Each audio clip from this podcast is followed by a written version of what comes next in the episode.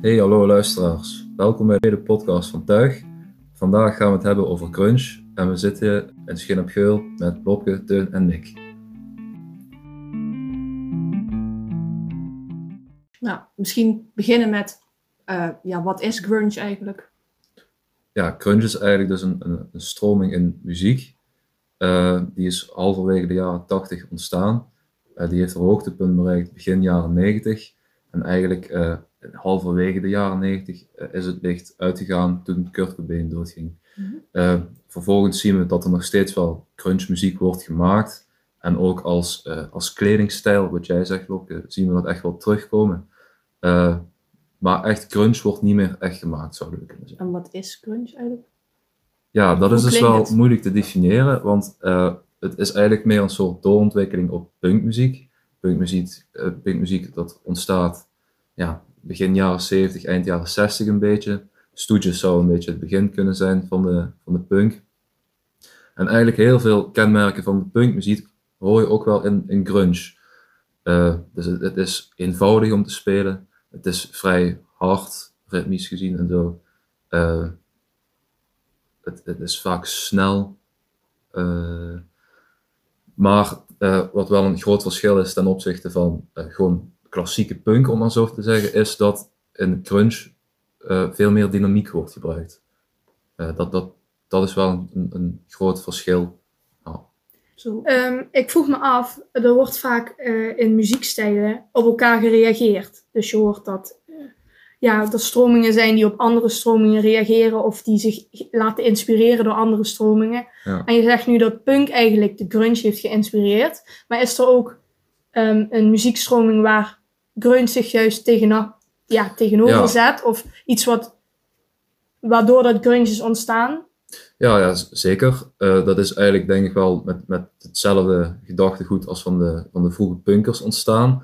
Uh, als je kijkt naar het muzieklandschap van halverwege de jaren 80, wat hoor je op de radio? Ja, dat was dan Bruce Springsteen, George Michael of zo. Niet bepaald uh, dingen waar de grunge, ja, de, de vroege grunge puristen warm van werden. En wat moet ik dat zeggen?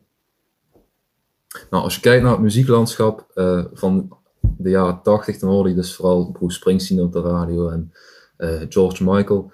Maar dat is niet uh, wat die muzikanten in dat Seattle mooi vonden. die, die wil iets anders. En eigenlijk in alle biografieën die ik heb gelezen van muzikanten, dus van, van bijvoorbeeld Mudhoney, van Nirvana, van Pearl Jam, vrijwel allemaal is een band die ze ja, flink heeft geïnspireerd, dat is de Stooges. Met Iggy Pop. Met Iggy Pop, ja. Ja. Ja, wat we eigenlijk wel zien in Seattle, dat is best wel een studentenstad. En op eigenlijk elk college had je wel één uh, soort van verdwaalde punker, een soort van ook wel metal liefhebber. Dat hebben we nog steeds wel op scholen. Uh, en wat we eigenlijk zien is dat die punkers elkaar een beetje ontmoeten. En langzaam ontstond er een soort van uh, circuit met punkers. En wat dan al snel gebeurt, is dat je natuurlijk uh, bandjes uh, gaat oprichten. En dat zien we ook eigenlijk in het Seattle. En een van de allereerste bands uh, die zo is ontstaan, dat is eigenlijk Green River. Green River, dat is de, de allereerste band waar je het stempel grunge op zou kunnen plakken. En Green River is ook de band waaruit vervolgens verschillende grote namen zijn ontstaan uit de grunge, bijvoorbeeld Pearl Jam. Pearl Jam is een van de grote bands die ervoor heeft gezorgd dat grunge uiteindelijk mainstream is geworden. En ja. wereldwijd een hype. Maar jij zei eerder al dat grunge niet echt een stijl is, maar meer een benaming voor een groep muzikanten. Ja. Is dat omdat ze onderling veel verschillen hebben? Of is dat omdat het heel breed is? Of? Ja, kijk, uiteindelijk is het allemaal een soort punkmuziek, maar er is een groot verschil bijvoorbeeld tussen de melodie melodieuze nummers van Nirvana of de keiharde, bijna metal van Soundgarden of van Ted of zo. Ja. Dus het is lastig te zeggen van dit is grunge, omdat het, het, is toch vrij breed, weet je wel. En het wordt inderdaad vooral voor gewoon al die bands uit de jaren 90 en eind jaren 80 uit Seattle wordt het stempel erop gedrukt. Uh, en sterker nog, zelfs na verloop van tijd, toen grunge eenmaal in was, toen zijn heel veel platenlabels ook bands gaan aannemen die een soort van grunge maakten. Maar die kwamen dan bijvoorbeeld gewoon uit, uit Oregon of uit, uh, Pennsylvania, niet uit Seattle, niet uit Seattle ja. maar daar werd alsnog dan het stempel grunge opgedrukt. Ja. Is dat ook een beetje een marketing? Ja, het is uiteindelijk ook gewoon echt wel een marketing ding geworden, ja. Maar En dat is eigenlijk heel tegenstrijdig met wat punk en grunge is natuurlijk. Want zodra iets, eh, zoiets mainstream, Mainstream, wordt, ja. dan, Ja. dan ben je niet meer echt echt of zo. En dat is ook wel bijvoorbeeld waar Nirvana aan ten onder is gegaan. Kurt Cobain die, die kon niet meer echt met die druk omgaan van het beroemdschap. Dat hoor je vaker, dat bands ja. eigenlijk best wel klein willen blijven of zo, een beetje underground. En dat ze dan mainstream Ja. worden. Iedereen vindt ze Ja, Het en- was gewoon cultuur of zo, jeugdcultuur. Ja, Ja. precies. En dat is ook, denk ik, dat is voor mij wel dan de meest pure vorm van grunge. Dat is nog in het clubcircuit in Seattle, die paar eh, concertzaaltjes wat er waren, toen er maximaal vier- 500 man stonden, dat is echt grunge. En eigenlijk daarna ja, is het gewoon meer een soort popmuziek geworden Mhm. dan eh, wat grunge in de oorsprong is. We hadden het net over een platenlabel. Dus wel, je hebt wel het platenlabel. Ja, ja, dat is wel belangrijk eigenlijk. Eh er liep nog één zo'n man rond in Seattle en zijn naam is eh, Jonathan Ponen. En hij was een, een, een grote liefhebber van muziek. En wat hij eigenlijk deed, dat was uit allerlei staten van heel Amerika een beetje de, de underground verkennen. En daar maakte hij cassettebandjes van. Eh, die cassettebandjes die, die deelde hij met vrienden. Heeft er ook een tijdschriftje bij gemaakt. En dat tijdschrift dat noemde hij Sub op. Eh, dat, dat liep aan zich best wel goed. En toen dacht hij van, ik heb wat geld verdiend. Ik kan misschien één verzamel LP opnemen. En met die LP eh, ja, kunnen we eigenlijk zeggen, van daar is echt het platenlabel wat grunge groot heeft gemaakt uiteindelijk eh, begonnen. Hij had dus die, die, die, die verzamelplaat eigenlijk met allerlei underground bands uit heel Amerika ja, gemaakt. En toen dacht hij, ik wil nu eigenlijk ook mijn favoriete band uit Seattle een, een album kunnen laten maken. En dat was Green River. Eigenlijk nog voordat dit plaat uit was, was die band alweer uit elkaar gevallen. Eh, maar dat gaf wel de kans om weer een van die bands, Utterly, eh weer uit te nodigen om de eerste single op te nemen. En die single is ook een groot succes geworden in Engeland. Eh, eind jaren 80 zien we ook dat de buitenlandse pers eh, zich begint te interesseren in Seattle. Vooral interesse vanuit Engeland. En- Is daar een reden voor? Dat het zo, die interesse veel vanuit Engeland kwam? nee, ja, dat is volgens mij niet echt te verklaren. Eh, Misschien met die punk of zo. Weet nee, niet. ja, kan, nee, dat heb ik eigenlijk nooit echt eh, Ja. zo kunnen ontdekken waarom die interesse juist van Engeland kwam. Maar ik Mm. kwam uit Engeland Hm. van eh, tijdschriften, muziekrecensenten. En die nodigde eigenlijk ook die bands uit in Engeland voor de eerste tour en zo.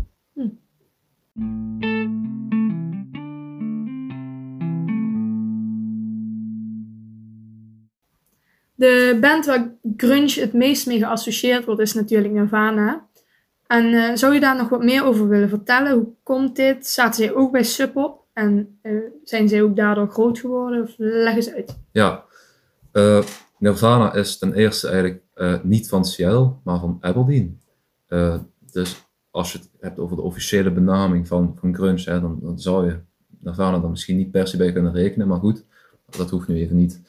Eh, ja, Nirvana was dus een band uit Aberdeen. Hetzelfde verhaal eigenlijk als veel van die andere punkbands. Eh, twee vrienden die elkaar kennen van school, die, eh, die besluiten samen om een band op te richten. Kurt Cobain en de bassist Dave, nog, nee, Chris Novoselic, sorry. Ehm, en ja, ze halen een paar drummers erbij, weet je wel, repeteren en zo, leuk. En ja, langzaam komt er ook wel wat interesse vanuit Seattle, van, van het Sub Pop label. Eh, daar mogen ze een eerste single opnemen. Die single, eh, dat is Lovebus, een cover van de Nederlandse band, Shocking Blue, die we kennen van Venus. Hartstikke leuk. Eh, en ja, die single die doet niet heel veel eigenlijk. Dat is, ja, ze- is niet echt een, een groot succes. Maar ze krijgen alsnog de kans om een eerste plaat op te nemen. Bleach wordt voor 600 dollar opgenomen door Jack Endino, eigenlijk de grote grunge producer van alle vroege grunge bands. En die plaat eh, is, ondanks dat het geen wereldwijd succes is, toch echt wel al best veel verkocht. Volgens mij eh 20.000 eh, exemplaren zijn er van over de toonbank gegaan. Vooral in Amerika. Vooral in Amerika, ja. Maar ook wel weer in Engeland zien we er toch echt Mm. wel veel eh, eh, verkocht worden. En eigenlijk door dat krijgt Nirvana ook de kans om een overstap te maken op een iets groter label. Daarbij moet ik wel zeggen, daar hebben ze een beetje hulp van gekregen van, van Sonic Youth. Sonic Youth is ook echt een underground band die mainstream is geworden door ja, toevallig bij het goede platenlabel te komen. Eh, maar in ieder geval, ze komen eh, onder contract te staan bij David Geffen. En David Geffen, dat is ja, een, een, een wereldspeler, die, die hebben Guns N' Roses in een, eh, Mhm. onder contract staan. En die brengen eigenlijk Nevermind uit in september. En Nevermind is eigenlijk de plaat die grunge eh, echt op de kaart heeft gezet. Het stoot eh, Dangerous van Michael Jackson van de nummer 1 in de US eh, charts. En dan is grunge echt ja, een groot ding ineens. En dan zien we ook dat eigenlijk al die bands die toen redelijk onbekend waren, nu meeliften op dat succes. We zien ineens dat Pearl Jam ook flink veel meer verkoopt. Mhm. We zien zelfs dat Mutony toch wel wat succes, succes heeft. Soundgarden wordt groot, Alice in Chains wordt groot. Ja, Eh, ja en ja, Nirvana, daar hadden we het over. Nirvana, die, eh, ja, dat, dat, dat, Ontploft bijna gewoon. Nirvana ontploft bijna. En, en de zanger van Nirvana, Kurt Cobain, dat is gewoon een hele gevoelige en moeilijke gast. En die kan eigenlijk niet zo goed omgaan met het, met het, eh, Te druk. met de druk die op hem staat. Ja, die, die vindt het echt lastig. Eh, raakt aan de heroïne en zo. Eh, heeft hij ook nog een, een hele aparte vrouw. moeilijk, moeilijk, moeilijk bij, bij, die, bij die Kurt. Afijn. ehm, er komt nog een, een, een derde plaat in Utero. Ook vind ik zelf een heel sterk album, maar is minder succesvol dan Nevermind. Waar ligt dat aan? Want Nevermind explodeerde eigenlijk. Ja, ja dat is En denk ik wel. album daarna ja, juist dat is minder. een leuke vraag. Nevermind, dat is eh, eigenlijk gewoon een hele toegankelijke punk. Eh. Dat ligt lekker in het gehoor, dat is mooi geproduceerd. Smells Like Teen Spirit, dat, dat is eigenlijk gewoon een soort ABBA eh, met distortion. maar waarom In Utero minder goed verkocht is, denk ik dan toch omdat op In Utero Nirvana echt een veel minder toegankelijk geluid laat horen. Dat deden ze ook heel bewust. Ze wilden weer echt terug naar de basis van de grunge. En dat is gewoon snoeiharde muziek die eigenlijk niet lekker in het gehoor ligt.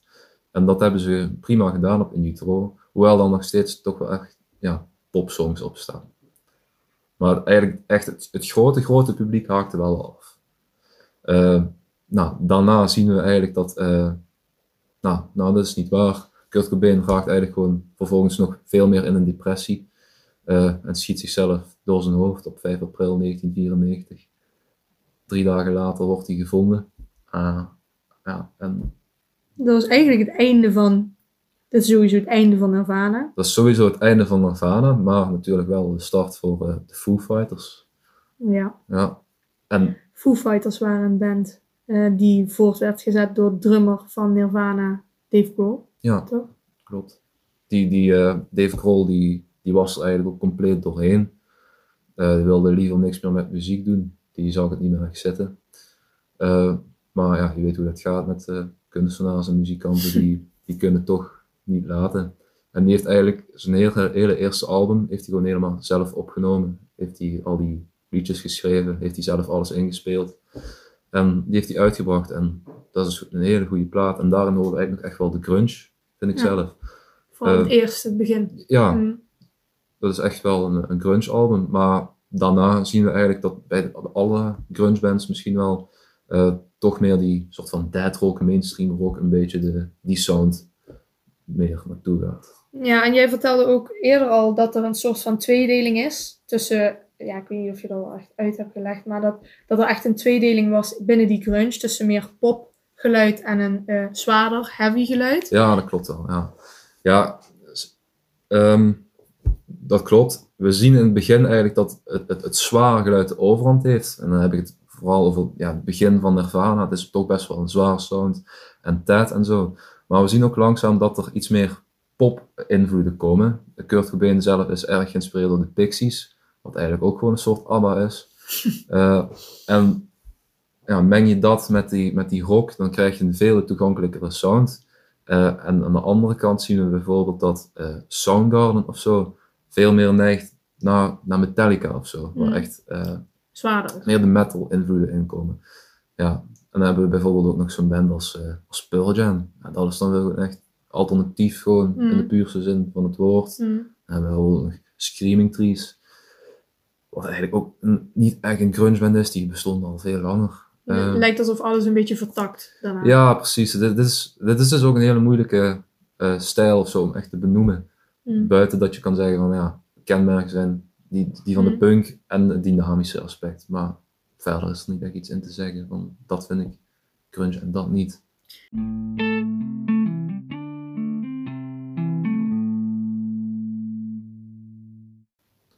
Ja, de, de beste band, als je, als je het hebt over mij persoonlijk, dan, dan is dat Nirvana. Eh, Nirvana is voor mij de, de band die, ja, De band. de band, ja. Ik ga er eigenlijk niks boven. Ik vind het echt het mooiste wat ooit is gebeurd in de wereld. Eh, melodieus, prachtige teksten. Waar ze gaan, weet ik eigenlijk niet, maar ik vind ze toch mooi. Dat is het mooie van kunst. Het is even iets abstracts. Van, ja. Maar wanneer ben je eigenlijk, wanneer is die liefde begonnen of zo? Of wie heeft je daarmee in contact gebracht? Nou, dat is, heb ik eigenlijk gewoon zelf gedaan. Dat is niet per se iemand die naar me toe kwam van, eh, hey, hier. Maar wat vond je dan vet? Ja, ik, ik, ik, had, eh, ik had in groep 8 of zo zo'n fase dat ik dacht van, oh ja, alle grote bands, daar wil ik een best of CD van hebben. Eh, Beatles, Stones, Nirvana, Led Zeppelin, et cetera. Kiss. Kiss, ja, Kiss, dat is daarvoor nog al. Oh. Eh, maar in ieder geval, die van Nirvana vond ik leuk, maar niet, niet bijzonder of zo. En ik was in, in Zwitserland op vakantie. En toen kocht ik Nevermind in, in, de, in de FNAC, een soort van de, Hoe oud was je toen? Echt jong nog dus. ja, 13 of zo. Ja, dat is best jong. Ja, toen kocht ik Nevermind en ik zette dat op. En toen dacht ik, hey, eigenlijk ken ik al best wel veel liedjes daarvan. En toen dacht ik van, het lijkt wel gewoon de best of. En ik vond eigenlijk dat geen één slecht nummer op dat album stond. Ja. En dat had ik eigenlijk nog nooit gehad. Ook bij, bij, bij Kiss niet of zo. Ik vond gewoon echt elk nummer echt heel goed.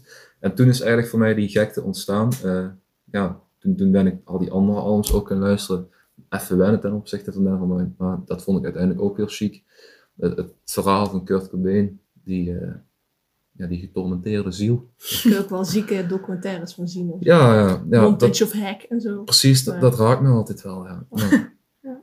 Nou, dat, dat, zo is het ontstaan. Maar nu heb je nog steeds geen antwoord gegeven over het liedje. Het liedje. Maar liedje. gaat het dan over het liedje wat voor mij de grunge in de kern raakt? Of mijn lievelingsnummer binnen het, het, het stijl grunge? Je mag Oh, ze allebei noemen. En uitleggen waarom. Ja, oké. Als je het hebt over eh, wat is het nummer eh, wat grunge definieert en wat is absoluut top, dan zou ik zeggen In and Out of Greece van Mudhoney.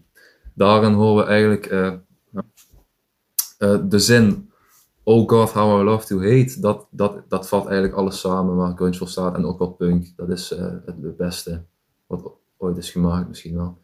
Maar dat is niet per se mijn favoriete nummer. Eh, ja, mijn favoriete nummer, dat, dat verandert ook wel misschien eh, met de dag. Maar vandaag is dat, nee, ja, dat is mijn lievelingsnummer. Binnen de grunge. Ja, misschien zou ik dan toch binnen, al- als je het hebt over grunge, dan zou ik misschien toch nog dat liedje kiezen, want dat is gewoon echt, dat is echt chic. Oké. Maar als je het hebt over Nirvana specifiek, omdat dat dan toch mijn lievelingsband is, dan vind ik zelf altijd All Apologies eh, echt wel prachtig. Oké. Maar daar horen niet per se de, de idealen van de grunge in. Ja. Dat is meer toch wel de, de popkant. Hmm.